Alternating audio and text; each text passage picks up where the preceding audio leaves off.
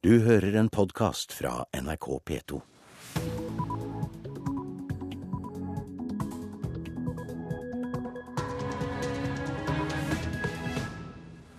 Riktig god morgen klokken 6.30 fredag 19. april. Her i Nyhetsmorgen har vi disse hovedsakene den neste halvtimen. Etter tusenvis av tips mener politiet i Boston at de vet hvem som sto bak bombene under maraton i byen. Valgkommisjonen i Venezuela lover at alle stemmene som ble avgitt i det omstridte presidentvalget i helgen, skal gjennomgås. Og oljemotstanderne vil tape kampen på Arbeiderpartiets landsmøte. Det er viktig å ha et solid flertall eh, bak dette standpunktet. For oss er det konsekvensutredning som er, er det viktige. Det sa Anna Ljunggren i Nordland Arbeiderparti. Og programleder denne morgenen, det er Tor Albert Frøsland. Det amerikanske føderale politiet FBI har offentliggjort bilder og video av to personer som er mistenkt for å stå bak bombeattentatet under Boston Marathon. Bildene ble presentert av spesialetterforsker Richard DeLoris i FBI på en pressekonferanse i går kveld. After a very detailed analysis of video, and other evidence, we are releasing photos of these two suspects. They are identified as Suspect 1 and Suspect 2. They appear to be associated. To menn som spaserer etter hverandre på fortauet. Den ene har en ryggsekk på seg, den andre har en bag over skuldra. Det er det vi ser på den videoen som FBI offentliggjorde på en pressekonferanse i går kveld. Etter å ha gått gjennom tusenvis av tips fra publikum, kunne politiet endelig vise bilde og video av to mistenkte. Politiet har også bilde av at den ene mannen setter fra seg bagen. Disse er ikke offentliggjort. Men politiet har ikke navnet på de to mennene, så derfor ber FBI nå innstendig om hjelp fra publikum. It is extremely important to contact us with any information regarding the identities of Suspect 1, Suspect 2 and their location. Spesialetterforskeren legger til at de to mennene trolig er væpna og ekstremt farlige. Det sa reporter Eivind Molde. Og en politimann er skutt og drept ved universitetet MIT i Boston i morges, ifølge lokale medier. Politiet har omringet en bygning, og universitetet ber studentene holde seg inne, melder TV-stasjonen CNN. Innbyggerne i Boston-området har de siste dagene vært urolige for nye angrep i etterkant av terroraksjonen mot Boston Marathon.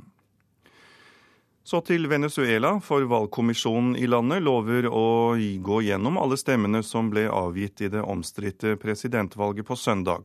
Avdøde Hugo Chávez sin håndplukkede etterfølger Nicolá Maduro ble erklært valgvinner med knapp margin, men opposisjonen mener stemmene ble jukset med. De slår på gryter i protest mot valgresultatet. Min stemme er hellig og må bli respektert, sier Rita Gallegos, en av de mange som ikke er sikker på at hennes stemme er telt rett.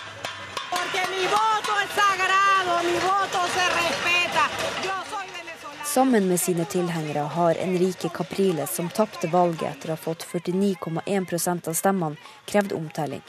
Omfattende gateprotester denne uka har ført til at flere har blitt drept, men både valgkommisjonen og Høyesterett har sagt nei til å telle på nytt.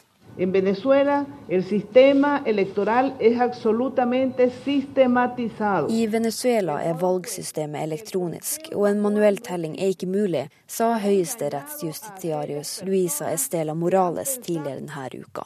Men nå har valgkommisjonen snudd.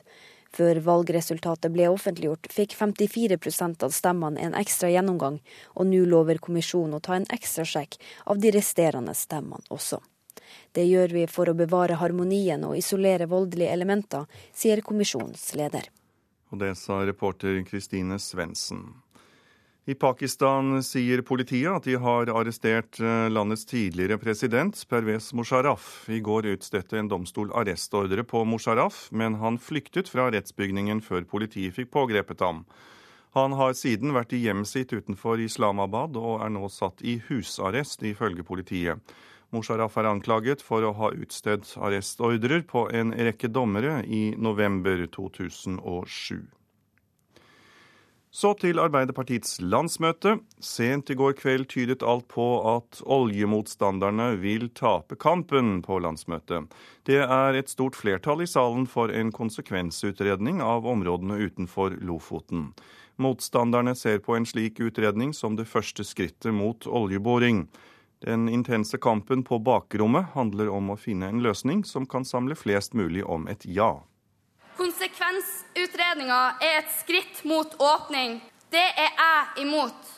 Og jeg håper alle her stemmer nei til konsekvensutredning. Takk. Applausen for Astrid Sylte fra Troms AUF gir et feil bilde. Hun får ikke mange nok med seg. Oljetilhengerne vurderer nå å gå med på et mildere ja til konsekvensutredning, første skritt mot åpning. Beregningene så langt viser at dette vil sikre et sterkere flertall i salen. Anna Ljunggren fra Nordland håper på et ja. For oss er det konsekvensutredning som er, det viktige.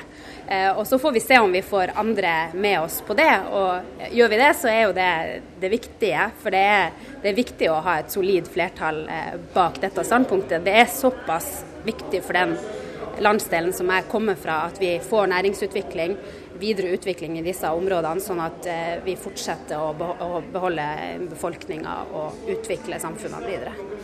Vårt utgangspunkt er at vi er imot konsekvensutredning. Det og det ligger fast? Det er vår dissens. Det jobber vi for. Det har vi vært helt tydelige på. Stadfester AUF-leder Eskil Pedersen. Så uh, får vi se om noen kommer opp med en løsning som kan samle landsmøtet. Hva det skal innebære, det vet jeg ikke. Uh, og jeg har ikke hørt et sånt forslag som er godt nok for at uh, vi ikke skal ta dette til votering i salen. Avstemningen ledelsen helst ville unnvære, er altså uunngåelig. AUF har nektet å gå med på alle hittil lanserte kompromiss, fordi forslagene innebærer konsekvensutredning. Partilederen var tidlig ute og tonet flagg. Det går mot seier for Stoltenberg. Jeg er opptatt av at vi nå finner en god løsning etter landsmøtet. Og jeg vet at det er mange som er opptatt av det. Og det diskuteres eh, løsninger, og så får vi konkludere på søndag. Eskil Pedersen gir oljetilhengerne ansvaret for å finne en enstemmig løsning, han tviler på det er mulig. Eh, men da må eh, de som sto bak flertallet, og som jo nok gikk så langt at eh, det sannsynligvis ikke samler landsmøtet, de må jo eventuelt være de som presenterer forslag på nye løsninger. Gjennom helgen vil redaksjonskomiteen og Eirin Sund jobbe på spreng. Jeg har ingen kommentar til hvem vi jobber med, for det sitter vi og jobber med i redaksjonskomiteen og ikke ut forbi. Her er folk for og her er folk imot, men jeg tror allikevel at vi skal få ha gode diskusjoner. Og så på søndag vil det bli bestemt hvor vi lander. Og reportere på Arbeiderpartiets landsmøte, det er Lars Nehru Sand og Astrid Randen. God morgen, professor ved NTNU og valgforsker Toril Aalberg. God morgen. Ja, vi hører her at uh, oljemotstanderne vil tape kampen på Arbeiderpartiets landsmøte. I alle fall tyder uh, alt på det. Hvorfor gjør de det? Nei, altså Det er jo sterke krefter i Arbeiderpartiet som ønsker en eh, utredning om uh, oljeutvinning. Sånn at uh, Ja, det er mye som, som går i den retninga. Men samtidig så er jo også motstanden sterk, så, så tida vil jo vise altså, hva resultatet blir på søndag. Og når du sier sterke krefter, hvem er det du sikter til da? Nei, altså Ledelsen blant annet er jo, ønsker jo det. Og da handler det om hvordan man på en måte aktivt jobber for for å, å, å, komme til en løsning som, som, det sies her i reportasjen, at flest mulig kan, kan, enes om. Ja, det gjelder å slutte rekkene, som det heter. Mm. Men eh, partiet er midt eh, inne i eh, ja, kanskje sitt viktigste landsmøte før høstens valg. Hva mener du er hovedgrunnen til at partiet sliter på meningsmålingene, slik vi har sett den siste tiden? Nei, altså, først og fremst og Den aller største årsaken er nok den her generelle regjeringsslitasjen. Det er lett å, rette kritikken mot av naturlige grunner dem som sitter ved, ved makta for det som, som ikke er, går helt sånn som man ønsker. Eh, og så er det også et eller annet med at eh, altså, til og med mediene har en, eh, en tendens til å, å, fokusere på det som på en måte er, er, gammelt nytt. Det er ikke like spennende, kanskje, som, som, som et nytt, nytt, alternativ. Og det så vi også i 2005. Da var den rød-grønne regjeringa et, et, nytt alternativ som var veldig spennende. Arbeiderpartiet hadde aldri sittet i en koalisjonsregjering før. SV hadde aldri sittet i, i, i, regjering. Mens nå er, det, nå er på en måte den, den vinden snudd litt.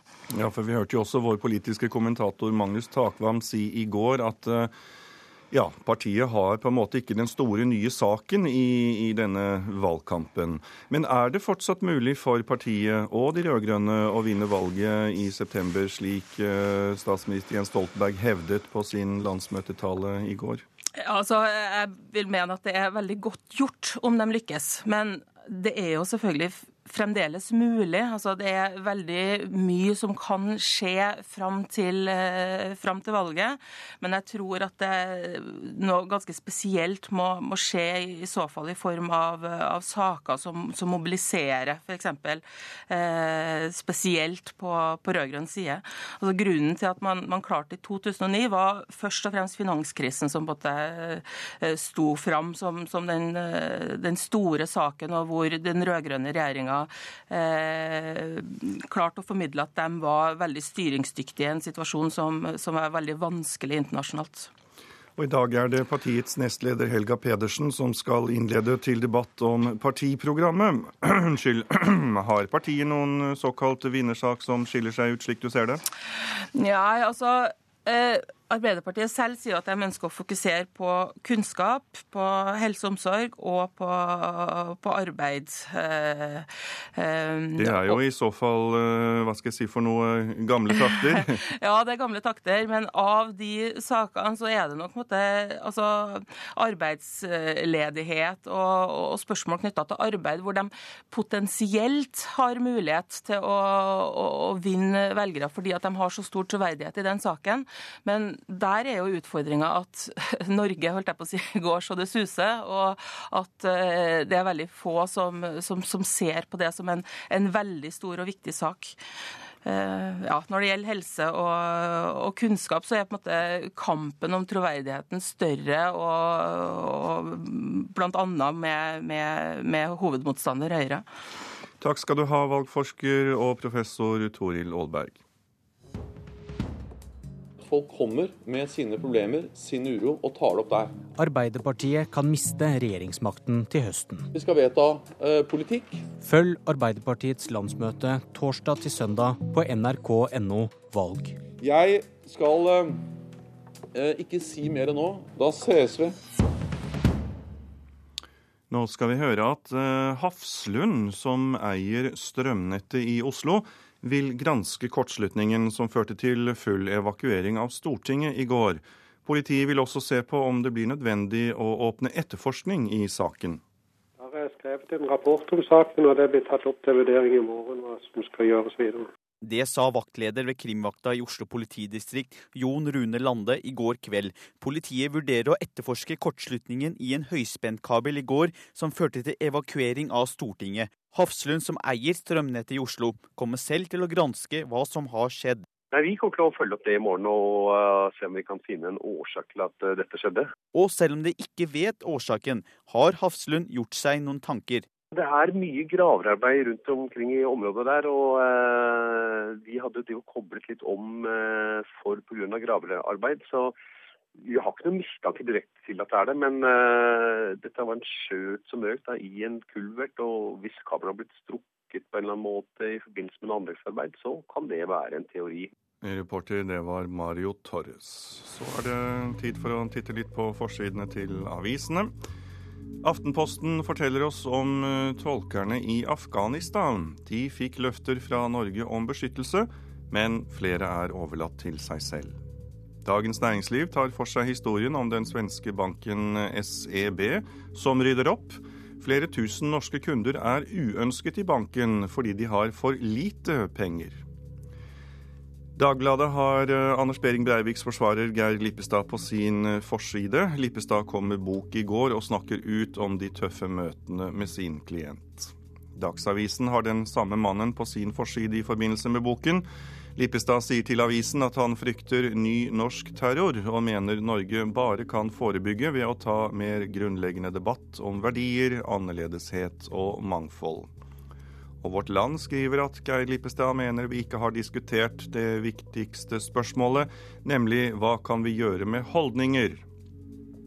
VG har historien om hvordan Justin Bieber lurte fansen her i Norge. Han ble smuglet til konsertene med båt, og han gjemte seg på Stordalen hotell. Klassekampen har snakket med helseministeren, som slakter Høyres helsedrøm. Bergensavisen kan i dag fortelle oss at Statens vegvesen ikke kan berolige oss. Vi må nemlig fortsatt leve med rasfaren langs norske veier. Nasjonen forteller oss at næringsminister Trond Giske ber skogeierne ta ansvar, for vi må se verdien av at vi har bedrifter som utnytter tømmeret, mener Giske. Bergens Tidende har historien om hjelpepleier Bente Bjånes Øy på sin forside. Bjånes Øy fikk beskjed ett år før pensjonsalder at hun må stå i jobb seks år lenger fordi sykehjemmet hun jobber på blir privat, og de ansatte får ikke med seg opptjente AFP-rettigheter. Fedrelandsvenn forteller oss historien til flere sykkelryttere som forteller om en bilist som hadde en farlig atferd. Flere av rytterne i sykkelrittet i Grimstad var nær ved å velte, og én kolliderte med den sinte bilisten. Nordlys slår opp at unge i nord begår oftere selvmord. Nord-Norge skiller seg fra resten av landet med over 500 selvmord i året.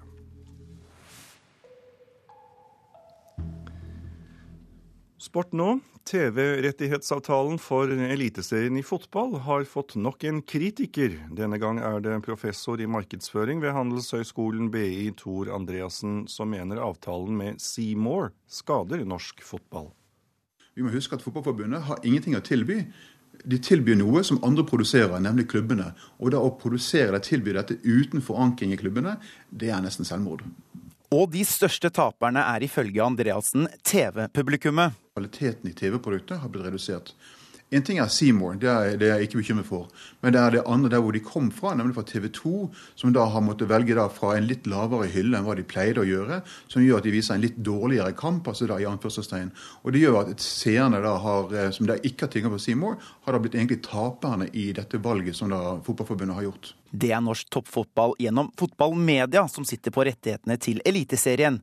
Administrerende direktør Nils Røyne ønsker ikke å kommentere saken overfor NRK men viser til en pressemelding der han sier at Eliteserieklubben har overført sine rettigheter til fotballmedia når det gjelder TV-salg, og det er fotballmedia som har inngått avtalen med Seymour.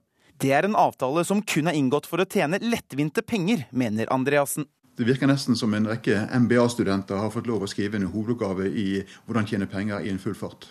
Reporter var Martin Hinsch. Det er Nyhetsmorgen i NRK P2 og Alltid nyheter. Du har radioen din på. Klokken er 6.47, og her er hovedsakene. Politiet i Boston etterlyser to mistenkte etter bombene i byen. Oljemotstanderne vil tape kampen på Arbeiderpartiets landsmøte. Stort flertall for konsekvensutredning av områdene utenfor Lofoten. Og det er krise for filmfestivalen i Haugesund. Rammes hardt av nasjonale filmkutt. Nå skal vi høre at politiet i Hedmark kutter kraftig ned på varetektsfengsling av utenlandske smuglere. I fjor ble et rekordhøyt antall smuglere satt i varetekt i påvente av rettssak, noe som krevde store transportressurser fra politiet. Politimester Tormod Bakke sier han heller vil bruke politifolk til mer bekjempelse av smugling enn å kjøre varetektsfanger frem og tilbake over hele Østlandet. Vi har hatt eh, en veldig sterk økning i antall slike saker, og det medfører en betydelig ressursbruk, ikke minst eh, transporter i forbindelse med disse sakene. Som går i verste fall utover beredskapen, i eh, spesielt sørregionen av Hedmark. Beskjedne mannskapsstyrker er opptatt med å kjøre smuglere både til og fra rettsmøter. og Ingen mener for så vidt at det er vel anvendte midler de siste årene har politiet i Hedmark kjørt ei tøff linje mot utenlandske smuglere i det vi kan kalle mellomklassen, de som får inntil tre måneders fengsel. Typisk en enslig polakk som blir stansa med 1000 liter øl og 100 liter sprit i bilen. I fjor ville han blitt varetektsfengsla umiddelbart, og hadde blitt sittende der gjerne i flere måneder, frem til rettssaken mot ham kom opp for tingretten. Deretter hadde han blitt satt inn til soning av straffen. I fjor økte antall slike varetektsfengslinger i Hedmark med 25% fra året før. Smuglerne fra Polen utgjorde den største gruppa, tett fulgt av smuglere fra Litauen. Men i år har politimester Tormod Bakke gitt ordre internt i politiet om at bruken av varetekt skal reduseres.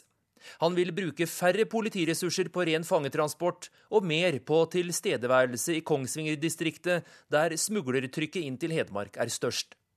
Den konsekvente bruken av varetekt tidligere har ikke hatt noen dempende effekt, mener Bakke.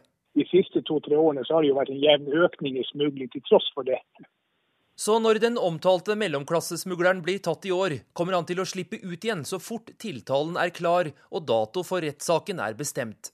Dette kan skje så tidlig som samme dag som han blir tatt, hvis politijuristen og domstolen er riktig kjappe i vendingene.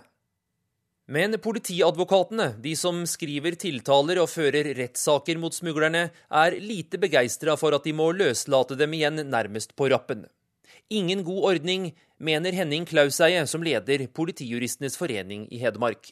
Effekten av den påtalemessige og etterforskningsmessige jobben vi gjør, vil jo bli lite følbar for den enkelte, hvis vi ser bort fra det at det ligger en dom og venter hvis man kommer tilbake til Norge. Vi har nok hatt eh, mer effekt av å få raske pådømmelser etter varetektsperioder. Men slik mannskapssituasjonen er i politidistriktet, så er nok det for tida den minst dårlige løsningen vi har. Reporter var Joar Elgåen. Kultur nå. Regissøren måtte kommunisere med skuespillerne via walkietalkie da den saudiske kongefamilien for første gang tillot noen å lage en spillefilm i landet. Denne helgen vises resultatet, Den grønne sykkelen, på arabiske filmdager i Oslo. I hjemlandet kommer den ikke til å bli vist, for der er kinoer forbudt. 20 11-åringer i mørkegrå fotside-kjortler resiterer Koranen foran skolelæreren. Fra en av kjortlene stikker det frem blå Converse-sko. De tilhører den opprørske heltinnen i filmen 'Den grønne sykkelen', som i helga vises på arabiske filmdager i Oslo. Gjennom hverdagslige situasjoner viser regissøren Haif al-Mansour hvordan livet til saudiske kvinner er mye vanskeligere enn mennes. Filmen er skutt i et land hvor kinoer er forbudt, og hvor kvinner ikke kan oppholde seg i det offentlige sammen med menn. Derfor satt regissøren inne i en bil og instruerte filmstaben via walkietalkie. Women are not allowed to mix and work with men. So filming outside was was a little problematic because I had to be in a van and uh, I had a monitor and I would talk to the actors and the DOP on the walkie-talkie and I tell them, yeah, now you have to make the frame wider and maybe she has to look up. Make, tell her to hold the feelings. so it's kind of like difficult not to be on the set with the, with the rest of the crew. Alle har veldig mye tanker om Saudi-Arabia, hvordan det er, men veldig veldig få har sett bildet, for det er mm, ikke lov å filme. Sier prosjektleder i arabiske filmdager, Christian Takvam. Man skal ikke lese for mye inn i sånn sett at det lages en film i Saudi-Arabia. Det er fortsatt et utrolig repressivt regime som har streng sensur på alt som på en måte tillates av bøker osv. osv. Eh, Saudi-Arabia er nok mer restriktivt enn noen av de andre gulflandene, som f.eks. i Emiratene, Dubai osv. Der er det mer åpenhet. Men generelt kan man si at fiksjonsfilm er en mer subtil form for kritikk. Fordi at når du ikke lager en dokumentar, så kan du alltid si at det egentlig handler om noe annet. Filmen er kjemisk fri for sex, alkohol og andre synder. Her er blå neglelakk og jenter som sykler, ment å være provoserende. Al-Mansour ville lage en film for et konservativt saudisk publikum som er generelt skeptisk til hele kunstarten. Really film they don't, they don't know what to do with it. And I really didn't want to, to offend them or make them angry as much as talk to them and make a film about them and have them enjoy it. Og Haifa al-Mansour håper at saudierne vil ta turen til nabolandene for å få med seg filmen hennes. Reporter var Sofia Paskiewicz. Filmfestivalen i Haugesund rammes hardt av nasjonale filmkutt. Film og kino kutter kraftig i den økonomiske støtten til filmtiltak de neste årene. Annet halveres støtten til filmfestivalene neste år. Dette vil få dramatiske følger, bl.a. for den norske filmfestivalen i Haugesund. Haugesundsordfører Petter Steen var i går på Stortinget for å ytre sin bekymring. Det som er viktig med å ta kontakt med, med folkevalgte på Stortinget, er jo ikke å tro at en skal få noen løfter der og da, men det er å kunne få presentere konsekvensene av det som nå skjer. Og vi har fått gjort det på en utmerket måte i dag. Men det er klart det er en situasjon for norske filmfestivaler, både den store norske i Haugesund og publikumsfestivalene rundt om i landet, at en halvering i løpet av to år av støtten fra festivalutvalget, det kan få dramatiske konsekvenser. Det er det stadig mer sviktende salget av DVD-er som er hovedårsaken til at film og kino må kutte. Organisasjonen hadde i 2007 inntekter på rundt 95 millioner kroner, mens prognosen for 2014 er 52 millioner kroner. Derfor må vi kutte, sier styreleder Knut Even Lindsjøm. Som alle etter hvert nå vet, så går det salget drastisk ned. og Det betyr også at våre inntekter går drastisk ned, og fortsetter den nedgangen. Dette er for så vidt en varslet nedgang. og men, men, eh, men inntil myndighetene finner noen gode alternative finansieringskilder og løsninger, så vil vi måtte kutte budsjettene, dessverre. Også støtten til kinoene utenfor Oslo faller bort, i tillegg til filmkulturelle tiltak for barn og unge. Petter Steen ser for seg det kan bli vanskelig å få eksterne sponsorkroner til alt dette. Jeg må bare skryte av den innsatsen vårt lokale næringsliv gjør, både for eh, festivalen og for Amandaprisutdelingen. Men det er klart, det som jo eh, er viktig, er at en har en finansiering som eh, kommer fra flere kilder. Og når eh, da den ene kilden pga. svikt i DVD-salget i Norge blir så kraftig redusert, så gir det enorme utfordringer. Reporter var Rosa Irén Villalobos. Har du tenkt deg ut på ski, så skal du vite at det er flotte skiforhold i fjellet, men det er stor forskjell på hvor trygt det er. Kjør på morgenen, ikke på ettermiddagen. Det sier skredekspert og medlem i Langfjella alpine redningsgruppe Per Ola Seim. De elleve som ble tatt av et skred i Hemsedal i går, ble trolig tatt av et såkalt overflateskred, og det skjedde sent på dagen. Faren er mye vann i snøen, sier Seim. Når det er så mildt som det er nå, så blir snøen Du får veldig mye vann i snøen. Og ser man seg rundt, så ser man at det ruller snøballer ned fjellsider og en del sånne ting. Så så det kan, være, det kan være overraskende hvis det kommer en sånn forholdsvis tilsynelatende en liten et, det ser ut som lite snø som kommer sigende, men når det først tar deg, så veier det veldig mange tonn. Og da er det fort gjort å bli dratt med utfor klipper og sånne ting. Så det er en, absolutt en fare nå på våren. Klatrelaget i Hemsedal fikk rett og slett snøskredet i fanget og ble dratt nedover fjellsiden. Skredet trenger ikke være så stort, men det er svært tungt, sier Seim. Det er altså En kubikk med sånn snø, da snakker vi om et tonn. Det er veldig Det veier mye. Så det er ikke noe du klarer å stå imot sjøl? Nei, det har du ikke sjanse til. Det, det, det går ikke. Reporter var Morten Røkeberg. Og så skal du få høre hvordan været blir i dag. Fjellet i Sør-Norge. Snøbyger i vest og nord. Ellers stort sett oppholdsvær. Fra i ettermiddag stort sett opphold også i vest. Østland og Telemark spredte regnbyger. Utover dagen fortsatt utrygt for enkelte regnbyger. Mot kvelden stort sett pent vær. Agder først på dagen enkelte regnbyger lengst vest. Ellers opphold og til dels pent vær. Vestlandet sør for Stad. Regnbyger, snøbyger i høyden. I ettermiddag minkende bygeaktivitet. Møre og Romsdal og Trøndelag. Regnbyger, snøbyger i høyden. Fra utpå ettermiddagen sludd og snøbyger også i lavlandet. Nordland får regnbyger, senere sludd og snøbyger. Troms får litt sludd eller regn, om kvelden snø i høyden. Finnmark får regn, snø i høyden, lite nedbør lengst nord. Nordensjøland på Spitsbergen får pent vær. Og så skal du få morgentemperaturene, og de ble målt klokken fem. Svalbard lufthavn hadde da minus 16 grader, og resten av lista det er plussgrader. Kirkenes hadde én, og så er det mange som hadde tre. Det er Vardø, Alta, Tromsø-Langnes og Bodø. Og flere hadde også fire grader, og det er Brønnøysund, Trondheim-Værnes og Molde. Flere hadde fem grader. Det er Bergen-Flesland, Stavanger og Kristiansand-Kjevik. Gardermoen hadde fire grader. Lillehammer to. Røros én. Og Blindern i Oslo hadde fem grader klokken fem.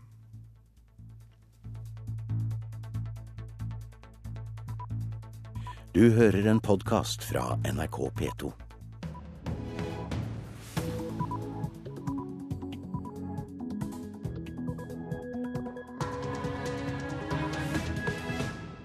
Klokken er sju. Du lytter til Nyhetsmorgen med Tor Albert Frøsland i studio, og her er en nyhetsoppdatering.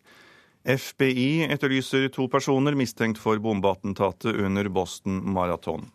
Etter å ha gått gjennom tusenvis av tips fra publikum, kunne politiet endelig vise bilder og video av to mistenkte. Politiet har også bilde av at den ene mannen setter fra seg bagen. Og nå på morgenen er en politimann skutt og såret ved et universitet nær Boston. Politiet har omringet en bygning. NSB og Jernbaneverket mener vedlikehold av dagens jernbane er viktigere enn utbygging av ny. I vårt eh, innspill til eh, NTP så hadde vi jo eh, økt drift og vedlikehold som absolutt førsteprioritet. Det er det ingen tvil om. Det sa jernbanedirektør Elisabeth Enger. Oljemotstanderne ser ut til å tape kampen mot konsekvensutredning av områdene utenfor Lofoten på Arbeiderpartiets landsmøte. Stort hasjnettverk rulles opp i Norge. 18 personer er siktet for smugling og salg av hasj. Vi mener vi har gjennom etterforskninga ramma et nettverk som har utøvd denne virksomheten over tid. Vi anser oss også for å ha tatt eh, personer med mer sentrale roller, trolig både i Norge og i utlandet. Det sier politiadvokat i Kripos Espen Hjelmeland Hanken. Og valgkommisjonen i Venezuela lover å gå gjennom alle stemmene etter presidentvalget. Opposisjonen mener det har foregått juks. I USA har det amerikanske føderale politiet FBI offentliggjort bilde og video av to personer som er mistenkt for å stå bak bombeangrepet under Boston Marathon på mandag. Bildene ble presentert av spesialetterforsker Richard DeLoris i FBI på en pressekonferanse i går kveld. After a very detailed analysis of photo, video, and other evidence, we are releasing photos of these two suspects.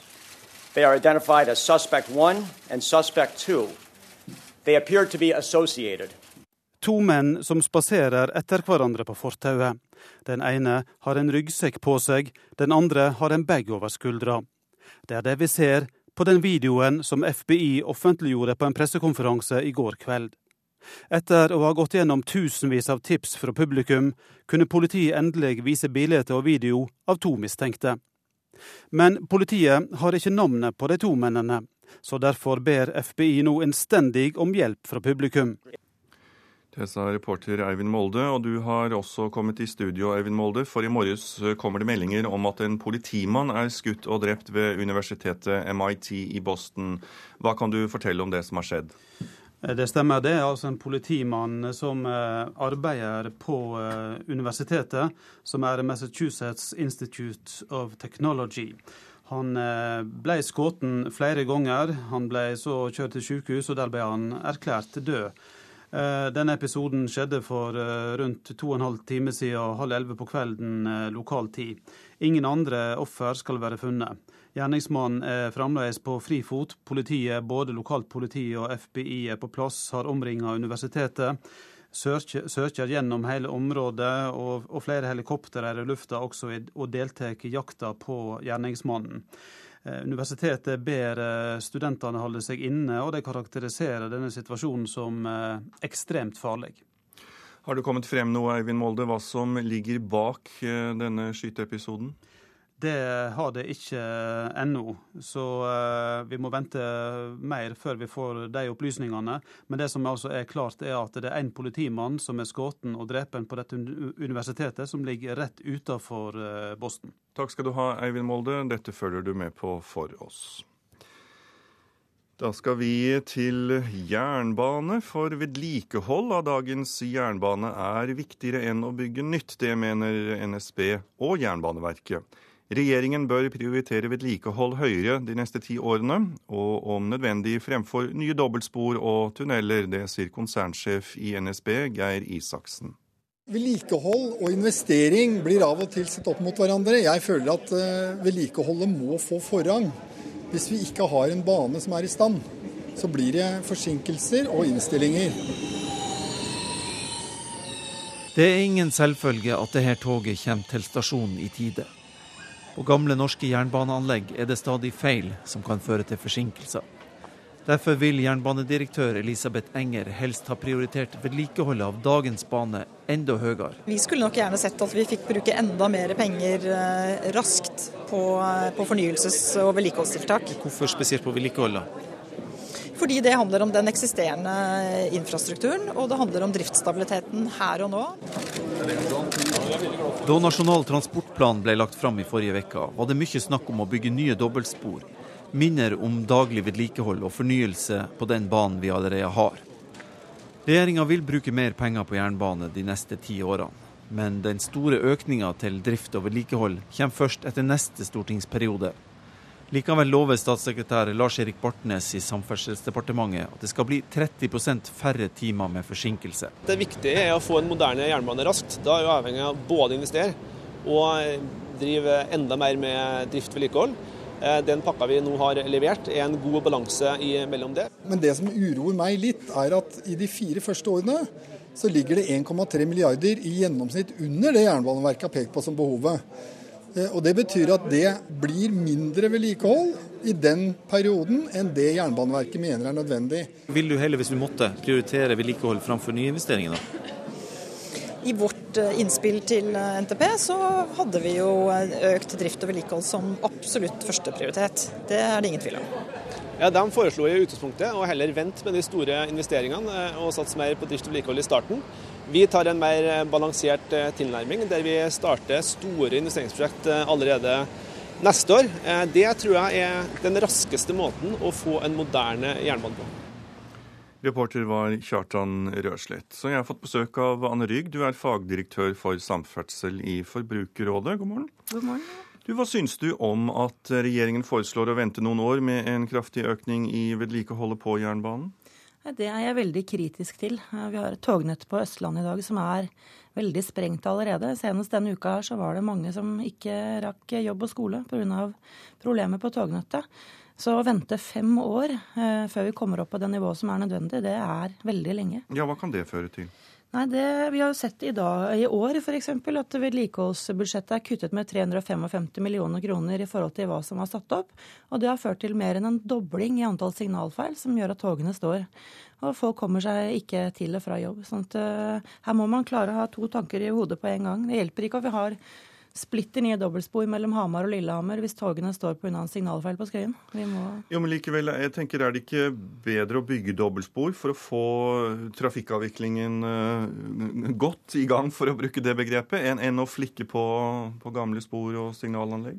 Det er helt klart at det er kjempeviktig å bygge ut kapasiteten på Østlandet. og Vi håper jo en full utbygging av intercitynettet blir fastslått innen 2025 på flere landsmøter i denne våren. Men det hjelper ikke at eh, vi bygger nye spor hvis de gamle sporene gjør at alle togene allikevel står. Det er som sånn du skal ha et nytt byggefelt og legge på flere rør, men de gamle røra lekker. Da, det kommer liksom ikke noe lenger likevel. Vi må klare å gjøre begge deler. Skal jeg fortelle lytterne at du også har flere års erfaring fra NSB. Og sett i den sammenheng, hvor, Hvordan opplever du sammenhengen mellom da vedlikehold på banen og, og, fare for forsinkelser? Her er det jo en direkte sammenheng, rett og slett. Ja vel. Eh, hvis vi har et dårlig vedlikehold, så opplever vi forsinkelser. Vi ser jo nå f.eks. i år at det er lite midler til vedlikehold. Det slår direkte inn eh, på driften. Eh, signalfeil ett sted kan gjøre at tog på kjempestore strekninger står. Forbrukerrådet har nylig gjennomført en undersøkelse blant pendlerne. Da opplevde vi en feil på Skøyen, og den rammet folk over hele Østlandet, på alle linjene. sånn at dette sprer seg utrolig fort. Eh, og det er helt kritisk at det vedlikeholdes skikkelig. Det er valg til høsten. Dersom det skulle bli et regjeringsskifte, så skal du her og nå få lov å komme med en anbefaling til en eventuell ny regjering hva de skal gjøre på jernbanefronten. De må jo holde det vedlikeholdsnivået som sagt, Jernbaneverket har sagt at er nødvendig, som er 7,5 milliarder i året. Vi må ha en full utbygging av dobbeltspor inn og ut av de store byene. Og vi vil ha en full intercityutbygging innen 2025. Og hvis man vil ha trafikkveksten over fra vei til kollektiv, gange og sykkel, så må man ta med den lille siste der òg, sykkelen. Og hvordan skal flere bruke toget, etter din eh, mening? Altså Det som vi opplever på toget, det er jo at det renner kunder til toget. Folk vil ta toget. For de syns det er deilig å reise med toget. Man sitter og slapper av på vei til jobben og syns det er en behagelig reisemåte. Men det er sprengt. Sånn at eh, det å skaffe kunder, det er det minste problemet i togverden. Vi må skaffe nok kapasitet, og vi må sikre at togene går. Takk skal du ha, fagdirektør for samferdsel i Forbrukerrådet, Anne Rygg. Kripos er i ferd med å rulle opp et stort narkotikanettverk i Norge. Det skal vi høre om nå. Til nå er 18 personer siktet, bl.a. for smugling og salg av hasj. Totalt har politiet fått hånd om 500 kilo hasj de mener skulle ut på det norske markedet. Jeg kan nevne litt om det andre sånne to bildet her også.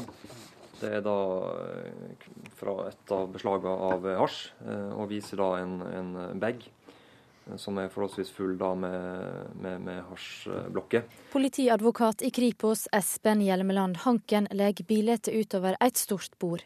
Bildet av en treningsbag fylt opp med hasj, en plastpose full av 500-lapper, ei luksusleilighet i Thailand. Eh, og disse to bildene her er eh, fra eh, et hus som vi mistenker kan være finansiert av utbytte fra narkotikavirksomhet. Bildet er tatt under noen av aksjonene politiet har hatt i samband med opprullinga av et større nettverk som har smugla hasj inn i Norge. Vi mener vi har gjennom etterforskninga ramma et nettverk som har utøvd denne virksomheten over tid. Og som da slik sett berører flere land, og i Norge også flere politidistrikt. Og slik som etterforskninga fortsatt pågår, så kan man heller ikke utelukke at det kan bli nye pågripelser i, i fremtida. Politiet har tatt beslag i om lag 500 kilo hasj. Det er en fjerdedel av all hasj de beslagla i hele fjor.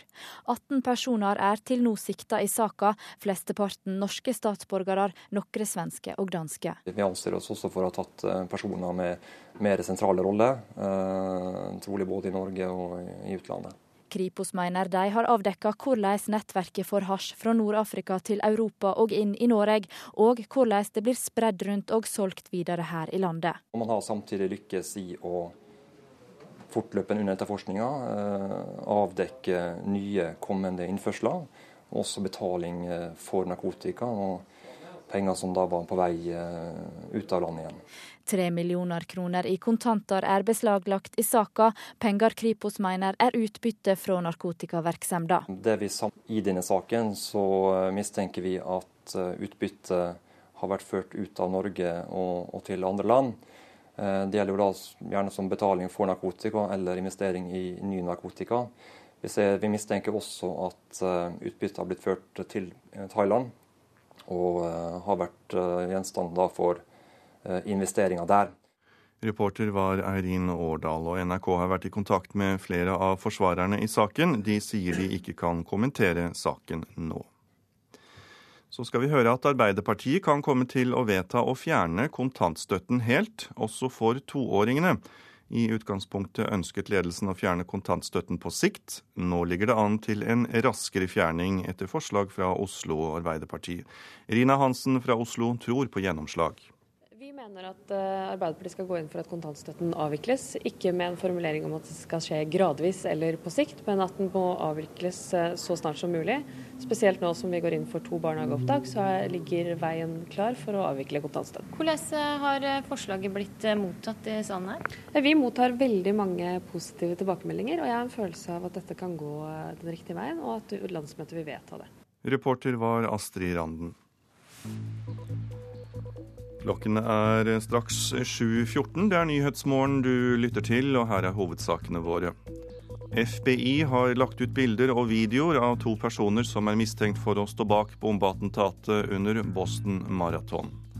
NSB og Jernbaneverket vil heller hatt mer penger til vedlikehold av jernbanen enn til nye dobbeltspor og tunneler. Og redningsmannskapene fortsetter å gjennomsøke ruinene etter eksplosjonen i en gjødselfabrikk i Texas i går. Og du får mer om det om noen få minutter. Men nå skal vi høre at Helsetilsynet har avslørt at Sørlandet sykehus bryter loven Og det gjør de når de gir ruspasienter behandlingsfrist for langtidsbehandling. Narkomane og alkoholikere får tildelt ventetid på opptil ett år, selv om de egentlig trenger behandling raskere. Årsaken er køer på institusjonene, sier avdelingsleder Arne Bie ved Sørlandet sykehus. Dette er utvilsomt lovbrudd. Sier direktør Jan Fredrik Andresen i Helsetilsynet. Man skal sette frister ut fra individuelle behov hos pasientene for når man skal starte opp behandling, og ikke forholde seg til kapasitetsmessige problemstillinger. Rusmisbrukere havner ofte langt bak i mange slags køer. Når de er blitt pasienter i helsevesenet, er de ofte svært syke. I tillegg til rus sliter mange med psykiske problemer og fysiske lidelser. Helsetilsynet har ifølge rapporten vurdert 15 pasienter som er henvist til langtidsbehandling på institusjon. Flesteparten har fått en behandlingsfrist, altså makstid for hvor lenge de må vente, på mellom åtte måneder og ett år. I mellomtiden får de andre tilbud på dagtid. Arne Bie er avdelingsleder ved Sørlandet sykehus. Det er en eh, realitet i rusfeltet, både i vår region, Helse Sør-Øst, og i landet for øvrig, at det er stor, en stor mangel på langtidsbehandlingsplasser for rusmiddelavhengige. Så det er nok en av de viktigste årsakene til at det er blitt satt såpass lange frister. Så dette betyr at en pasient som kanskje burde hatt en tre måneders frist, i stedet har fått en frist på et halvt år? Ja, det, det kan skje, ja. Hvis fristen blir brutt, må sykehuset kjøpe en ekstra plass. Dermed kan de spare penger på romslige behandlingsfrister, som gjør fristbrudd mindre sannsynlig. Jeg vil ikke si det er et sparetiltak, men alt henger sammen med alt. Det, det er tre vilkår som vi skal vurdere, og det er jo òg det kostnadseffektive et av vilkårene. Så en skjeler jo òg til det. Men det fremkommer jo av rapporten at en har tatt hensyn til, til ventelister. Og det gjør en jo, bl.a. for å unngå fristbrudd. I tillegg til uforsvarlig lange behandlingsfrister, peker Helsetilsynet på flere forhold som ikke er som de skal, når sykehuset vurderer ruspasienter. Det er flere ting som er alvorlige her. Bl.a. at de ikke har eh, tilstrekkelig kompetanse knyttet til vurdering av henvisningene. At de oversetter fristene som er satt for når en henvisning skal være vurdert. Spesielt er det alvorlig i forhold til de unge, som man eh, mener bør ha rask tilgang på handling, og det er det gode grunn for. Reporter var Katrin Hellesnes. God morgen, eh, Magna Li, du er direktør i Blå Kors. Hvordan reagerer du på det du får høre? Jeg er ikke overrasket over det jeg hører. Eh, kapasiteten på langtidsbehandling for rusmisbrukere den er for liten. Og den har blitt mindre de siste årene. Den er redusert. Det er en politisk manglende vilje til å prioritere området. Da må Sykehuset Sørlandet håndtere et minimumsgode. De har for lite plasser. Da må de gjøre det på denne måten. Og tildele da en pasient som skal få langtidsbehandling, en poliklinisk behandling, er en måte å skjule ventetidene da framgår det av statistikken at ventetiden er kort, for de har fått lov til i, eller fått tilgang til poliklinisk behandling. Men den behandlingen de egentlig trenger, den får de ikke tilgang til. Den egentlige kritikken i denne saken burde jo stilles i forhold til regjeringa, som ikke prioriterer området. Og Hva slags behandling er en poliklinisk behandling eh, kontra en langtidsbehandling, slik du ser det? En poliklinisk behandling kan være en fullgod behandling. Men for den gruppen personer som er tilkjent en behandling i langtidsinstitusjon, der holder det ikke med poliklinisk behandling. Å gå inn i en eh, langtidsbehandling for en rusmisbruker, det er en ganske stor sak. Det er de dårligste pasientene som får det. Det tar lang tid å snu et levesett, et tenkesett, et handlingssett. Det, og det er vanskelig å gjøre på en poliklinisk behandling, eller? Ja, hvis du kommer inn til en behandling én time i uka, én time i måneden, det er en, kan være for en gruppe personer den behandlingen de trenger, men for den gruppen vi snakker om her, så er det ikke tilstrekkelig. Og Hva blir konsekvensene da for den uh, gruppen? Uh, hvis du har fått tildelt en rettighet til en langtidspasient, så ligger det i det at du, har, du er blant de dårligste pasientene. Da trenger du rask behandling.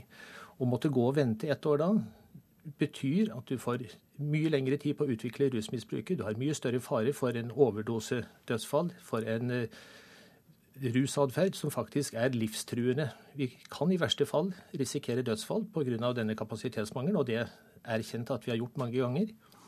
I tillegg så er det å gå inn i rusbehandling for en pasient, det er et stort skritt å ta. Mye motivasjon. Dette eksempelet vi hørte, det var tatt fra Sørlandet sykehus. Tror du de er enestående i Norge, eller? Dette er mer et uttrykk for hva som er normalen Jeg kan ikke si at hvert enkelt sykehus gjør det, men det er en veldig godt kjent sak at det skjer samme rundt omkring i landet som det skjer på Sørlandet. Og hva forteller brukerne dere, da? De er fortvila, de er oppgitte. Det er vanskelig å holde motivasjonen oppe når de må gå og vente ett år. Det blir ett år til med rus. De rekker å ruse seg mye på ett år. Mye elendighet. Takk skal du ha, Magnar Lie, du er direktør i Blå Kors. Så skal vi til den vesle amerikanske byen West, for der fortsetter redningsmannskaper i dag å gjennomsøke de mange husene som raste sammen da byens gjødselfabrikk eksploderte i går. Politiet vet foreløpig ikke hvor mange som omkom i ulykken. Hver tiende innbygger måtte innom sykehus etter den kraftige eksplosjonen. Noen få biler bryter stillheten her i sentrumsgatene til småbyen West i delstaten Texas. Natt til i går norsk tid ble den vesle byen snudd på hodet da byens gjødselfabrikk gikk i lufta i en voldsom eksplosjon. Diane Wilson satt også på TV da smellet kom, og hele huset ristet. It was very frightening. We were sitting watching television and at first it seemed like the lights flickered a little bit and then just a loud explosion. It shook our entire house. We lost some glass on the other side, but really minor, minor compared to what we see around us. Hun har jobbet som lærer i West på en skole som ligger bare noen hundre meter fra der gjødselfabrikken holdt til. I nabolaget finnes også byens kombinerte syke- og aldershjem, der bestemoren hennes bor. Hun slapp fra eksplosjonen med mindre skader, og var blant de heldige som kunne reddes ut av bygningen, som nesten raste sammen. Our um, and she was rescued. We are thankful to God that there were no uh, casualties there because that was a horrifying, horrifying experience for those people. Sentrumsgatene rundt fabrikken ser ut som en krigssone etter eksplosjonen. Rundt 75 hus ble sterkt ødelagt eller jevnet med jorden.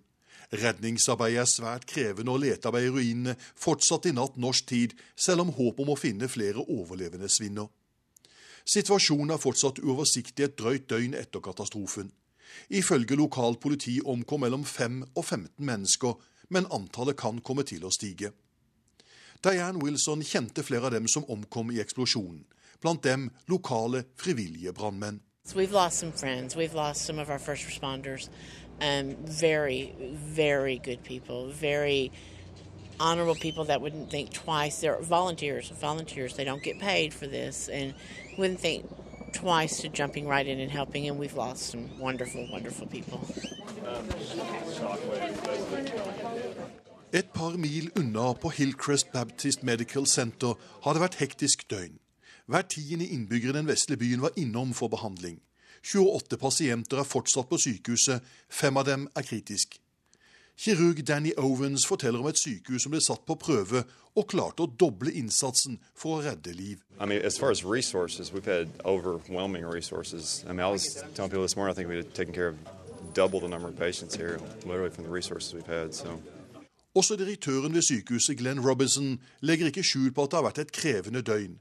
Der det man har kriseøvet på, plutselig ble virkelighet. As you know, being a regional trauma center, this is something that we train for, uh, we prepare for, and we hope and pray never occurs.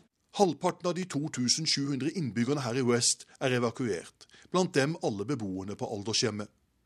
Dianne Wilson sier at alle kjenner hverandre i byen, og nå slår støttende ring om hverandre. Everyone knows someone, everyone knows everyone, and very um, open indoors and willing to help out. Selv om alt tyder på at det var en ulykke, blir eksplosjonen inntil videre etterforsket som en kriminalsak. Men lokalt politi avviser at den vesle byen West ble rammet av et terrorangrep natt til i går. Jon Gelius i West i Texas. Og så skal du få høre litt om hva som står på forsidene av noen aviser. Aftenposten tar for seg de afghanske tolkene i Afghanistan som tolket til norsk. De fikk nemlig løfter fra Norge om beskyttelse, men flere er nå overlatt til seg selv. Dagens Næringsliv tar for seg historien om den svenske banken Seb, som rydder opp. Flere tusen norske kunder er uønsket i banken fordi de har for lite penger. Dagbladet har Anders Behring Breiviks forsvarer Geir Lippestad på sin forside. Lippestad kom med bok i går og snakker ut om de tøffe møtene med sin klient. Dagsavisen har den samme mannen på sin forside i forbindelse med boken. Lippestad sier til avisen at han frykter ny norsk terror, og mener Norge bare kan forebygge ved å ta en mer grunnleggende debatt om verdier, annerledeshet og mangfold. Vårt Land skriver også om Geir Lippestad, og han mener vi ikke har diskutert det viktigste spørsmålet, nemlig hva vi kan gjøre med holdninger. VG har historien om hvordan Justin Bieber lurte fansen her i Norge. Han ble smuglet til konsertene med båt, og han gjemte seg på Stordalen-hotellet. Klassekampen har snakket med helseministeren, som slakter Høyres helsedrøm. Bergensavisen kan i dag fortelle oss at Statens vegvesen ikke kan berolige oss, for vi må fortsatt leve med rasfaren langs norske veier. Nasjonen forteller oss at næringsminister Trond Giske ber skogeierne ta ansvar, for vi må se verdien av at vi har bedrifter som utnytter tømmeret, mener Giske. Bergens Tidende har historien om hjelpepleier Bente Bjånesøy på sin forside. Bjånesøy fikk beskjed ett år før pensjonsalder at hun må stå i jobb seks år lenger fordi sykehjemmet hun jobber på, blir privat og de ansatte får ikke med seg opptjente AFP-rettigheter. Fedrelandsvennen forteller oss historien til flere sykkelryttere, som kan fortelle om en bilist som hadde en farlig atferd. Flere av rytterne i sykkelrittet i Grimstad var nær ved å velte, og én kolliderte med den sinte bilisten. Nordlys slår opp at unge i nord begår oftere selvmord. Nord-Norge skiller seg ut fra resten av landet med over 500 selvmord i året. Og så har vi nettopp fått inn eh, melding om at det høres skudd og eksplosjoner fra universitetet nær Boston, hvor politiet leter etter en person som har skutt og drept en politimann. Og mer om dette får du i Dagsnytt klokken 7.30. Så skal vi høre at det ble slått full alarm etter et snøskred i Hemsedal i går ettermiddag. To helikoptre og en rekke redningsmannskaper ble sendt til eh, Bjøberg, der ni klatrere var tatt av et smalt snøskred. Tommy Gilberg i klatrelaget var mest opptatt av å takke redningsmannskapene da NRK traff ham i går kveld. Ja, den var veldig snabb, eh, bra eh, og kom fort, hjelpte oss att säga, och hjälpte oss ner allihopa. Det kom två helikoptrar och vi är mycket tacksamma och glada för den insats som eh, man har gjort från Räddningsmanskapets sida. Det var til sammen elleve klatrere som var på vei opp den stupbratte Bjøbergnuten da førstemann i gruppa var tatt av et smalt skred. Ni av gruppa var dreget flere hundre meter nedover fjellsida, sier Gilberg. Det fantes ingenting å gjøre, vi var sviptes med flere hundre meter ned. men det gikk forholdsvis bra. Det første politiet fikk vite, var at elleve mennesker var tatt av et snøskred i Hemsedal. Da ble det sleget full alarm, sier innsatsleder Stig Sunnfjord. Det viste seg da at dette her var et følge som eh, hadde bedrevet med såkalt alpin klatring, så det var ikke skikjøring. I ei bratt fjellside som er en blanding av eh, snø og, og klipper. En av de involverte i taulaget der som eh, som ramla ned og tok med seg flere av de andre. Så de eh, sklei ned ved ei bratt snørenne. Hmm. Hvordan gikk det med dem? Eh, ut ifra forholdet så har det gått veldig bra her. Og det dreier seg om hode- og ansiktsskader. Hvor mange da? Det er fem stykk. Var det nordmenn, dette her? Det her var svensker, og så var det to fra Irland. Runar Olav Sletten Bjøberg er næreste nabo til Bjøbergnuten, der de elleve var på klatretur. Sletten Bjøberg karakteriserer klatreruta som livsfarlig. Det er endereisende bratt, og detter oppi der, så vil det si det samme som at du slår det i hjel. Du har vært oppi der og leita etter sau. Fortell om det.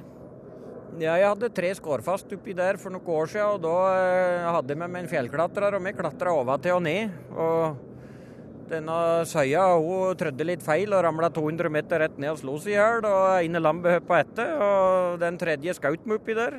Tommy Gilberg i klatrelaget er ikke mye stolt av turen til ei elve, som nærmest ved et under kom fra det hele i noenlunde god behall.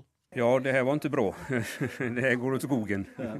Men det gikk ganske bra, da? Det gikk ganske bra, ja. ja. Dere hadde englevakt? Vi hadde englevakt, hadde vi faktisk, ja. ja. Reporter var Gunnar Grimstveit. Det er Nyhetsmorgen du lytter til, og den neste halve timen så får du Dagsnytt med Odd Christian Dale. Dagens utenriksreportasje er fra USA, og du får Politisk kvarter med Fredrik Solvang. Jeg heter Tor Albert Frøsland.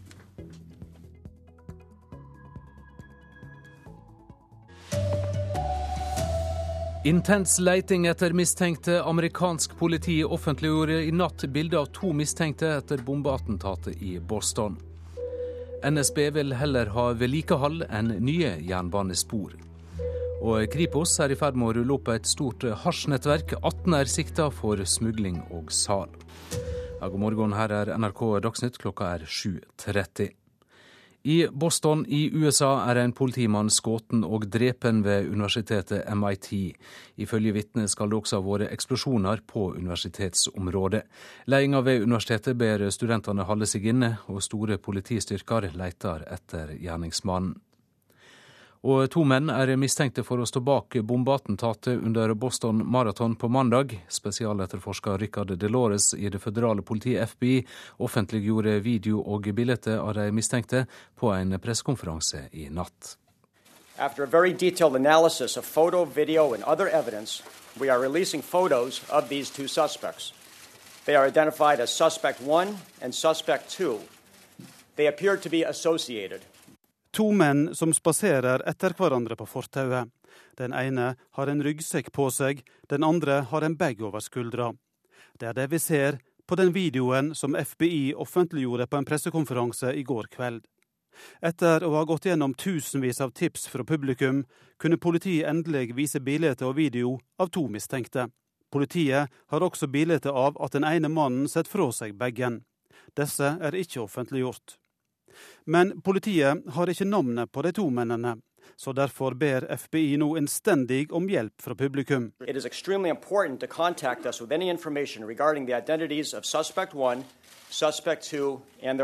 Spesialetterforskeren legger til at de to mennene trolig er væpna og ekstremt farlige. We consider them to be armed and extremely dangerous. No one should approach them. No one should attempt to apprehend them except law enforcement. Reporter Eivind Molde. Politiet i Texas sier det er uklart hvor mange som fremdeles er fanga i ruinene etter, en, etter, at en gjødselfabrikk eksploderte på onsdag. Ifølge politiet er mellom 5 og 15 personer trolig døde. Over 160 mennesker er skadd. Eksplosjonen førte til enorme skader, bl.a. på et alders- og sykehjem som ligger i nærleiken av fabrikken. Vedlikehold av dagens jernbane er viktigere enn å bygge nytt, mener NSB og Jernbaneverket. Konsernsjef i NSB Geir Isaksen ber nå regjeringa prioritere vedlikeholdet framover, og om nødvendig framfor nye dobbeltspor og tunneler. Vedlikehold og investering blir av og til sett opp mot hverandre. Jeg føler at eh, vedlikeholdet må få forrang. Hvis vi ikke har en bane som er i stand, så blir det forsinkelser og innstillinger. Det er ingen selvfølge at dette toget kommer til stasjonen i tide. På gamle norske jernbaneanlegg er det stadig feil som kan føre til forsinkelser. Derfor vil jernbanedirektør Elisabeth Enger helst ha prioritert vedlikeholdet av dagens bane enda høyere. Vi skulle nok gjerne sett at vi fikk bruke enda mer penger eh, raskt på fornyelses- og vedlikeholdstiltak. Hvorfor spesielt på vedlikeholdet? Fordi det handler om den eksisterende infrastrukturen, og det handler om driftsstabiliteten her og nå. Da Nasjonal transportplan ble lagt fram i forrige uke, var det mye snakk om å bygge nye dobbeltspor.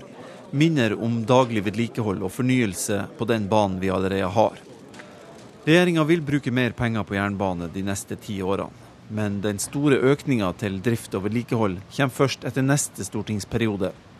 Likevel lover statssekretær Lars-Erik Bartnes i Samferdselsdepartementet at det skal bli 30% færre timer med forsinkelse. Det viktige er å få en moderne jernbane raskt. Da er vi avhengig av både å investere og drive enda mer med drift og vedlikehold. Men det som uroer meg litt, er at i de fire første årene så ligger det 1,3 milliarder i gjennomsnitt under det Jernbaneverket har pekt på som behovet. Det blir mindre vedlikehold i den perioden enn det Jernbaneverket mener er nødvendig. Reporter Kjartan Røslett. Alt tyder på at oljemotstanderne vil tape kampen på landsmøtet til Arbeiderpartiet. Seint i går kveld var det et stort flertall i salen for konsekvensutgreiing av områdene utenfor Lofoten. Ifølge motstanderne er dette første steget mot oljeboring, og den intense kampen på bakrommet handler om å finne en løsning som kan samle flest mulig om et ja. Konsekvensutredninga er et skritt mot åpning. Det er jeg imot. Og jeg håper alle her stemmer nei til konsekvensutredning. Takk. Applausen for Astrid Sylte fra Troms AUF gir et feil bilde. Hun får ikke mange nok med seg. Oljetilhengerne vurderer nå å gå med på et mildere ja til konsekvensutredning, første skritt mot åpning. Beregningene så langt viser at dette vil sikre et sterkere flertall i salen. Anna Ljunggren fra Nordland håper på et ja. Det er viktig å ha et solid flertall eh, bak dette standpunktet. For oss er det konsekvensutredning som er, det viktige. Vårt utgangspunkt er at vi er imot konsekvensutredning. Det er vår, Og det ligger fast? Det er vår dissens. Det jobber vi for. Det har vi vært helt tydelige på. Stadfester AUF-leder Eskil Pedersen. Så eh, får vi se om noen kommer opp med en løsning som kan samle landsmøtet. Hva det skal innebære, det vet jeg ikke. Eh, og jeg har ikke hørt et sånt forslag som er godt nok for at eh, vi ikke skal ta dette til votering i salen. Avstemningen ledelsen helst ville unnvære, er altså uunngåelig. AUF har nektet å gå med på alle hittil lanserte kompromiss, fordi forslagene innebærer konsekvensutredning. Partilederen var tidlig ute og tonet flagg. Det går mot seier for Stoltenberg. Jeg er opptatt av at vi nå finner en god løsning etter landsmøtet. Og jeg vet at det er mange som er opptatt av det. Og det diskuteres eh, løsninger, og så får vi konkludere på søndag. Reportere Lars Nehru Sand og Astrid Randen. Kripos er i ferd med å rulle opp et stort narkonettverk her i landet. Til nå er 18 personer sikta, bl.a. for smugling og sal av hasj. Totalt har politiet tatt hånd om 500 kilo hasj, som de mener skulle ut på den norske markedet. Jeg kan nevne litt om det andre sånne to bildene her også. Det er da fra et av beslagene av hasj, eh, og viser da en, en bag som er forholdsvis full da med, med, med hasjblokker. Politiadvokat i Kripos Espen Hjelmeland Hanken legger bildet utover et stort bord. Bildet av en treningsbag fylt opp med hasj, en plastpose full av 500-lapper, en luksusleilighet i Thailand. Et hus som vi mistenker kan være finansiert av utbytte fra eh, narkotikavirksomhet. Bildet er tatt under noen av aksjonene politiet har hatt i samband med opprullinga av et større nettverk som har smugla hasj inn i Norge. Vi mener vi har gjennom etterforskninga ramma et nettverk som har utøvd denne virksomheten over tid. Og som da slik sett berører flere land, og i Norge også flere politidistrikt. Og slik som etterforskninga fortsatt pågår, så kan man heller ikke utelukke at det kan bli nye pågripelser i, i fremtida. Politiet har tatt beslag i om lag 500 kilo hasj. Det er en fjerdedel av all hasj de beslagla i hele fjor. 18 personer er til nå sikta i saka, flesteparten norske statsborgere, noen svenske og danske. Vi anser oss også for å ha tatt eh, personer med mer sentrale roller. Kripos mener de har avdekka hvordan nettverket for hasj fra Nord-Afrika til Europa og inn i Norge, og hvordan det blir spredd rundt og solgt videre her i landet. Tre millioner kroner i kontanter er beslaglagt i saka, penger Kripos mener er utbytte fra narkotikavirksomheten. Reporter Eirin Årdal. Helsetilsynet har avslørt at Sørlandet sykehus bryter lova når de gir ruspasienter behandlingsfrist for langtidsbehandling. Rusavhengige får tildelt ventetid på opptil et år, selv om de trenger behandling raskere. Dette er alvorlig, sier direktør Jan Fredrik Andresen i Helsetilsynet. Det er et eh, helt klart brudd på regelverket. Eh, regelverket sier at man skal sette frister ut fra individuelle behov hos pasientene for når man skal starte opp behandling, og ikke forholde seg til kapasitetsmessige problemstillinger. Etter en tung sesongstart har Tor Hushovd retta fokus mot sommerens store høydepunkt, nemlig Tour de France. Men det er ikke sikkert at den tidligere verdensmesteren i det hele tatt får være med i årets ritt. Fjoråret ble et annus horribilis for Tor Hushovd, som slet med et virus så å si hele sesongen. Og årets sesongstart har vært langt under forventningene for BMC-rytteren. Jeg har vært i ganske si, god, eh, god, fysisk form, men eh, resultatene har jo langt ifra vist akkurat det. Nå har jeg satt en strek etter Paris og så ser jeg framover mot Tour de France egentlig som er neste. Men om Hushov deltar i årets Tour de France, blir det på helt andre premisser enn tidligere. Så jeg blir ikke kaptein i Tour de France, jeg blir en, en hjelperytter som mest sannsynlig får egne sjanser. Så må jeg bare ta de sjansene når de dukker opp. Reporter her var Martin Hinsch. En person skal nå være pågripen i samband med skytinga utenfor MIT-universitetet i Boston. Det melder lokalavisa Boston Globe. En politimann er stadfesta drepen i skytinga. Ansvarlig for sendinga Eirik Ramberg, teknisk ansvarlig Hanne Lunås, og i studio Odd Christian Dale. Og her i Nyhetsmorgen skal vi til USA, for der er det mange som mener at et flertall av medlemmene i Senatet burde skamme seg. Natt til i går stemte de nei til at amerikanere som kjøper våpen må gjennom en enkel bakgrunnssjekk.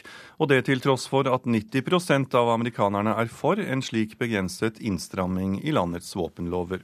What I'm just going to do is sit back and ask Alex to put up the names as we speak of all those senators who voted no on background checks. To me, editorializing, of course, the faces of cowardice.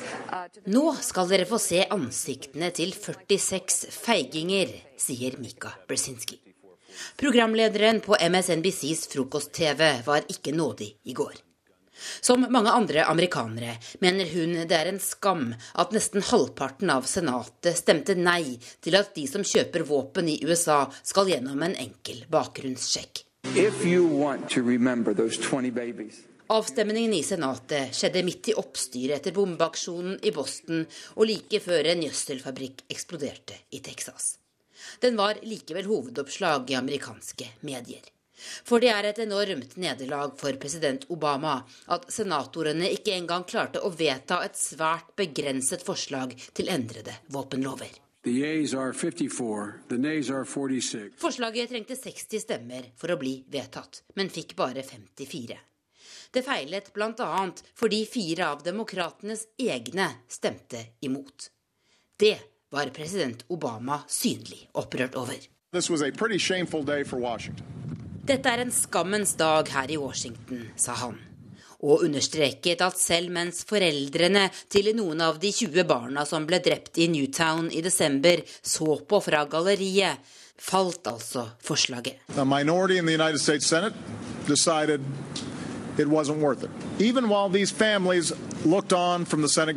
Våpendebatten har vært intens i USA etter skolemassakren i Connecticut. Obama har drevet en kampanje i Kongressen og på reiser rundt om i landet. Han ønsker forbud mot salg av automatvåpen og store magasiner, i tillegg til bakgrunnssjekk. Men Senatet klarte altså ikke engang å vedta en lov som utelukkende ville kreve bakgrunnskontroll av alle som kjøper våpen.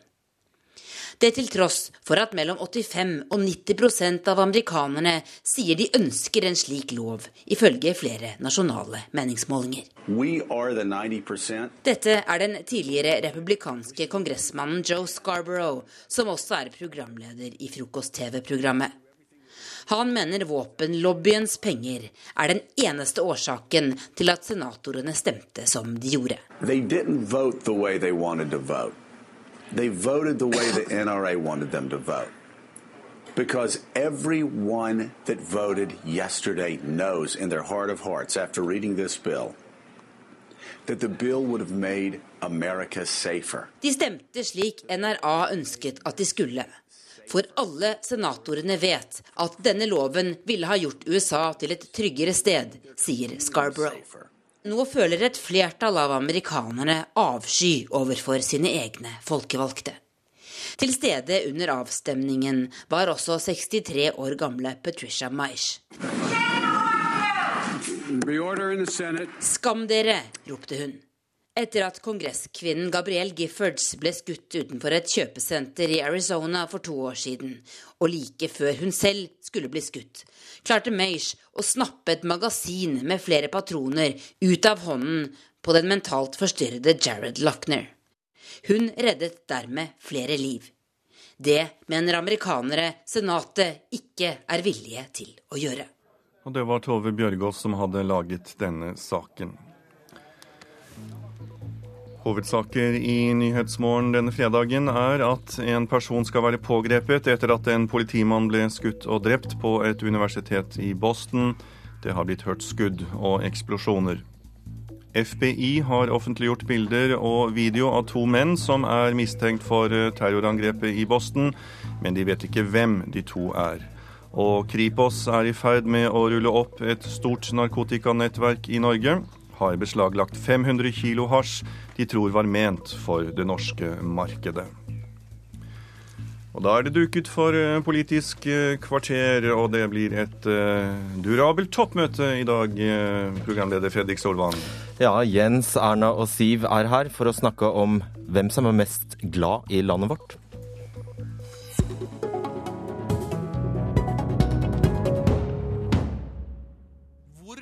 Lenge må vi høre på at de snakker Norge ned? Landet vi er glad i. Vi vil snakke opp dem som bygger Norge.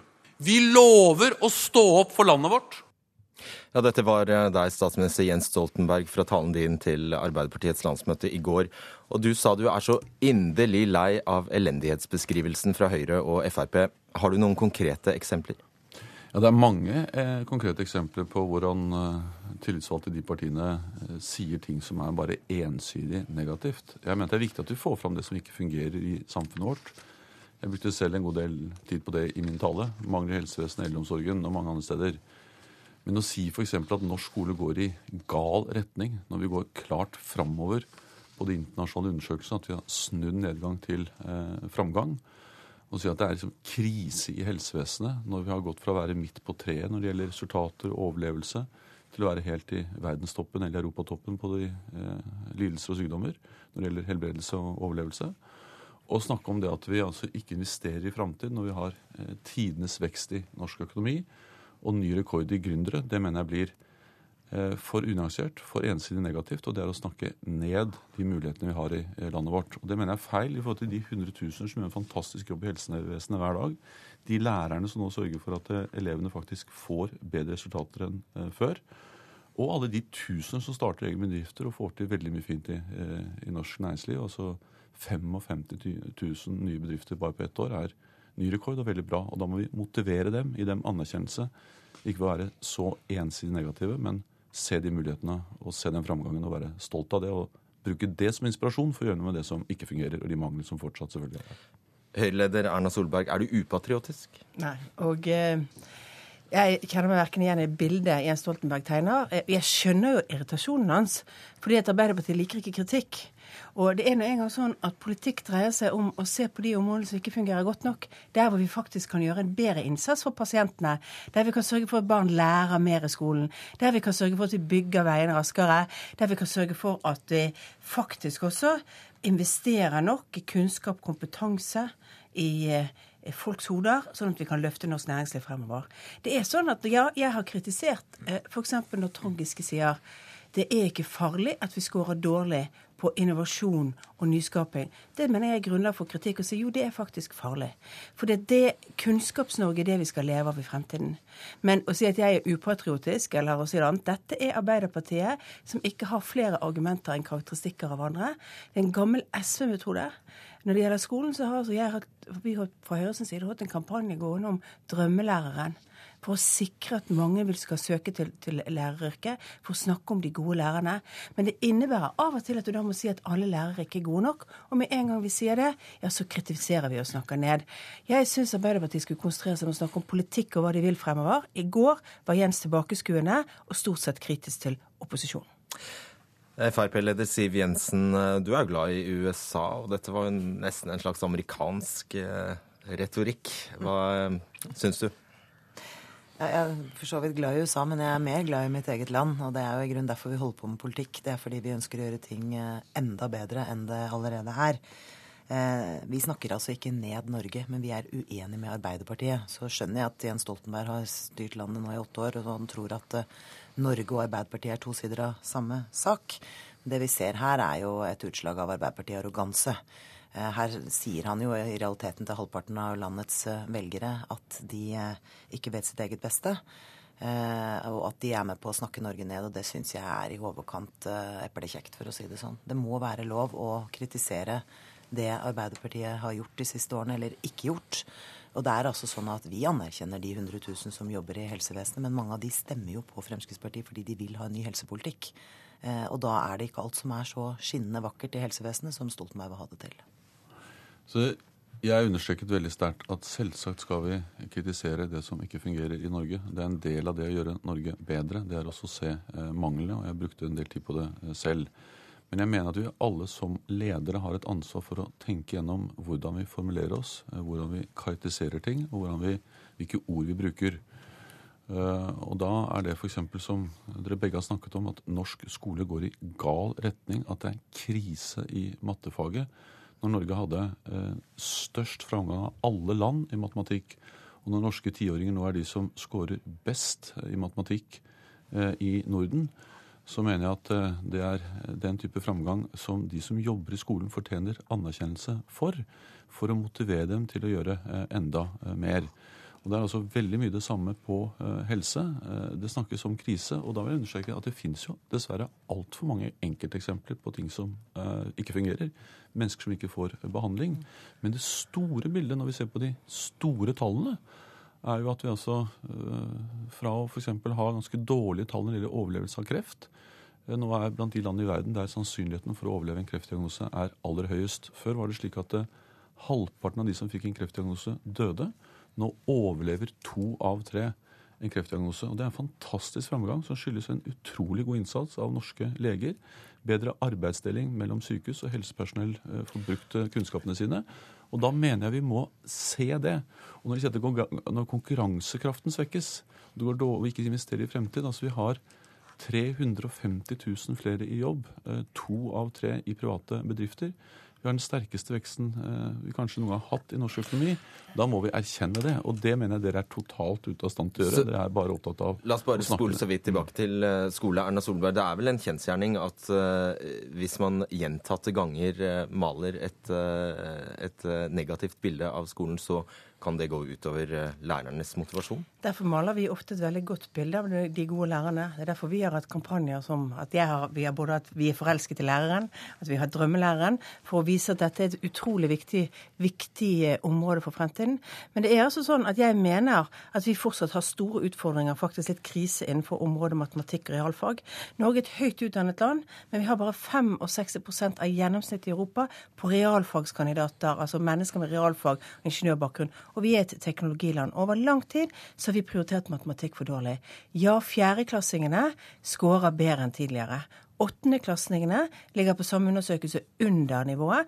Og det er jo sånn at De forskerne som står bak undersøkelsene, sier jo at statsministerens bilde han tegner av det som er fjerdeklassene, det er ikke helt eh, altså det, det ville de aldri turde å bruke på den måten, for det er det ikke dekning for den. Nei, nei, nei, men la meg si, I dag er det kommet en rapport som sier at det for tredje år på rad så har altså karakterene, avgangskarakterene i matematikk sunket altså på, på, eksamen. Det sier jo at et teknologiland skal ha større ambisjoner. Men så jo, har jo vi svarene i politikken vår på hva vi skal gjøre med det. Det er jo derfor vi har nesten monomant snakket om etter- og videreutdanning av lærere. Derfor vi snakker hele tiden om de tiltakene vi skal gjøre. Vårt utgangspunkt er ikke å kritisere ting i Norge uten at vi har et svar i politikken. Vi, men, men Arbeiderpartiet vil gjerne at vi skal snakke Arbeiderpartiet opp. Det er ikke det som er demokrati. Det er å snakke om løsningene våre fremover. Det gjør vi hver dag. Siv Jensen, plutselig er det dere som sitter ved roret om å forsvare de samme systemfeilene som, som dere nå gyver løs mot. Poenget er vel å prøve å gjøre noe med disse systemfeilene. Og det er altså sånn at det er jo ansatte i helsevesenet selv som er ute og kritiserer feil og mangler i helsevesenet. Det er, ikke, det er jo ikke de ansatte som er problemet. Det er manglene på moderne utstyr, mangel på vedlikehold, mangel på investeringer. Eh, et omfattende byråkrati. Nå er det altså flere byråkrater enn leger i norske sykehus, og det er en problemstilling som statsministeren må ta inn over seg. Eh, dette tar vi inn over oss. Det er derfor vi ønsker å styre norske sykehus på en annen måte enn det Arbeiderpartiet gjør fordi vi mener de bruker pengene feil, og at vi derfor behandler færre pasienter enn vi ellers kunne gjort. Dette må vi gjøre noe med, og det er derfor Fremskrittspartiet tar mål av seg til å danne, være med i regjeringen etter valget. Og for første gang vil valget stå mellom en regjering ledet av Arbeiderpartiet og en regjering til høyre for Høyre. I vår 125 år gamle historie har det aldri skjedd før. Stoltenberg, når du ser målingene, tror du, tror du virkelig, virkelig, folk ikke har tenkt over dette? At de ikke ønsker en slik politikk? Min oppgave på, en, på, et landsmøte er å beskrive hva vi vil. Det brukte jeg mye tid på. Men det er også å fortelle om politiske forskjeller og skillelinjer. Og Tidligere var det slik at eh, Høyre eh, avviste å sitte i regjering med Fremskrittspartiet, for de mente de sto bl.a. for en uansvarlig økonomisk politikk og hadde ikke avklart forhold til eh, klima. Og vi hadde menneskeskapte klima, global oppvarming. Eh, nå sier Høyre klart ja til å sitte i eh, regjering sammen med Fremskrittspartiet. og Da er det klart at da vil løsningene ikke lenger finnes i et skjæringspunkt mellom Høyre og sentrum, som alltid før har vært tilfellet på borgerlig side, men det vil være et eller annet sted i eh, kompromiss mellom Høyre og Fremskrittspartiet. På samme måte som dere dras mot venstre av SV, da? Vi samarbeider både med Senterpartiet og med SV. Og en, men en veldig viktig forskjell var at vi avklarte før valget de sakene som var mest problematiske i forhold til f.eks. SV. Det var Nato, EØS, den type ting. Eh, oljepengebruk som var viktige for å avklare for oss før vi ville gå i samarbeid med SV. Eh, eh, Høyre og Fremskrittspartiet de har tradisjonelt vært uenige f.eks. om den økonomiske politikken, om den samlede oljepengebruken. Men de prøver jo ikke å avklare det. Også for Når det gjelder skattenivå, så lover Høyre rundt 25 milliarder i skattelette. Det er det dyreste valgløftet noen av partiene gir, bortsett fra Fremskrittspartiet som lover 100 milliarder. Og Da er det greit å vite liksom, om det er 25 eller 100. fordi dette er veldig viktige spørsmål. Jeg diskuterer gjerne hva vi bruker penger på. Men det, den totale pengebruken er ganske viktig, og det greier ikke de å avklare. Jensen, er det din ambisjon å dra Høyre mot Høyre? Det er Fremskrittspartiets ambisjon å få gjennomført mest mulig av Fremskrittspartiets politikk. Og det syns jeg statsministeren skal ha litt respekt for, at vi skal jo ikke avlyse velgernes innflytelse over stortingsvalget 9.9. Det er jo velgerne som skal gi partiene muskler til å sette seg ned og forhandle frem gjennomslag. Det er helt riktig. Fremskrittspartiet har større ambisjoner enn Høyre når det gjelder skatte- og avgiftslettelser, rett og slett fordi vi tror det er fornuftig. Men jeg kan forsikre om at det vil bli ført en ansvarlig økonomisk politikk Innenfor handlingsregelen? Nei, en ansvarlig økonomisk politikk også av en ny regjering. Og jeg kan forsikre statsministeren om at det kommer til å bety trygg nedbygging av byråkratiet. Det kommer til å bli trygg eh, investering i velferd. Det kommer til å bli trygge og nye arbeidsplasser. Men det er altså ikke sånn at Arbeiderpartiet har eh, definisjonsmakten på hva som er trygg og ansvarlig økonomisk politikk. Det går an å tenke ting på en annen måte enn Arbeiderpartiet gjør, og det lover jeg at vi kommer til å gjøre. Erna Solberg, dette er vel din største akilleshæl? At du ikke greier å redegjøre for om eh, hva velgerne Eller greier å redegjøre for hva velgerne får? Men jeg tror alle velgerne vet at ryggmargsrefleksen i Høyre er en ansvarlig økonomisk politikk. Det er blant de tingene som vi alltid kommer til å stå for, og alltid har stått for. Derfor kanskje det viktigste vi gjorde i Bondevik II-regjeringen, var jo å levere et Norge i, som, som, eh, Arne Strand sa, de kommer til dekket bord når den rød-grønne regjeringen overtok, fordi vi hadde ryddet opp i den økonomiske politikken. Vi hadde sørget for å komme i linje og få opp i gang jobbskapingen igjen etter en ganske alvorlig, litt, litt norgesskapt eh, krise på begynnelsen av 2000-tallet. Og så har jeg lyst til å si at det er jo sånn Arbeiderpartiet snakker kontinuerlig om Høyre og Frp. Men sannheten er at vi sier jo at det er fire partier som skal samarbeide om regjering. Og at Venstre og Kristelig Folkeparti sier jo også at de ønsker et regjeringsskifte. Så det å automatisk si at summen flytter seg til Høyre eller det ene eller andre stedet Alle de fire partiene på borgerlig side skal være med å påvirke fremtidens politikk når de er med på å skape en ny regjering. Og Derfor så er dette bildet som Arbeiderpartiet forsøker å tegne, det er deres skremmebilde.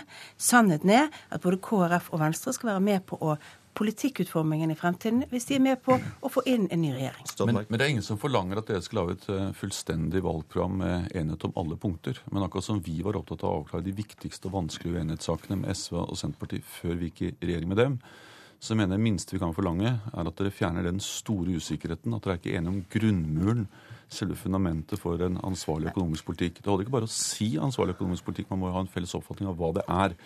Og den totale pengebruken er avgjørende for rente, for kronekurs, hvordan det går med norske bedrifter. Det og det har dere ikke greid å avklare, og det, det skaper en usikkerhet norske bedrifter ikke fortjener. Det er like viktig hva du bruker pengene på, Jens Stoltenberg. Vi skal ha en ansvarlig pengebruk.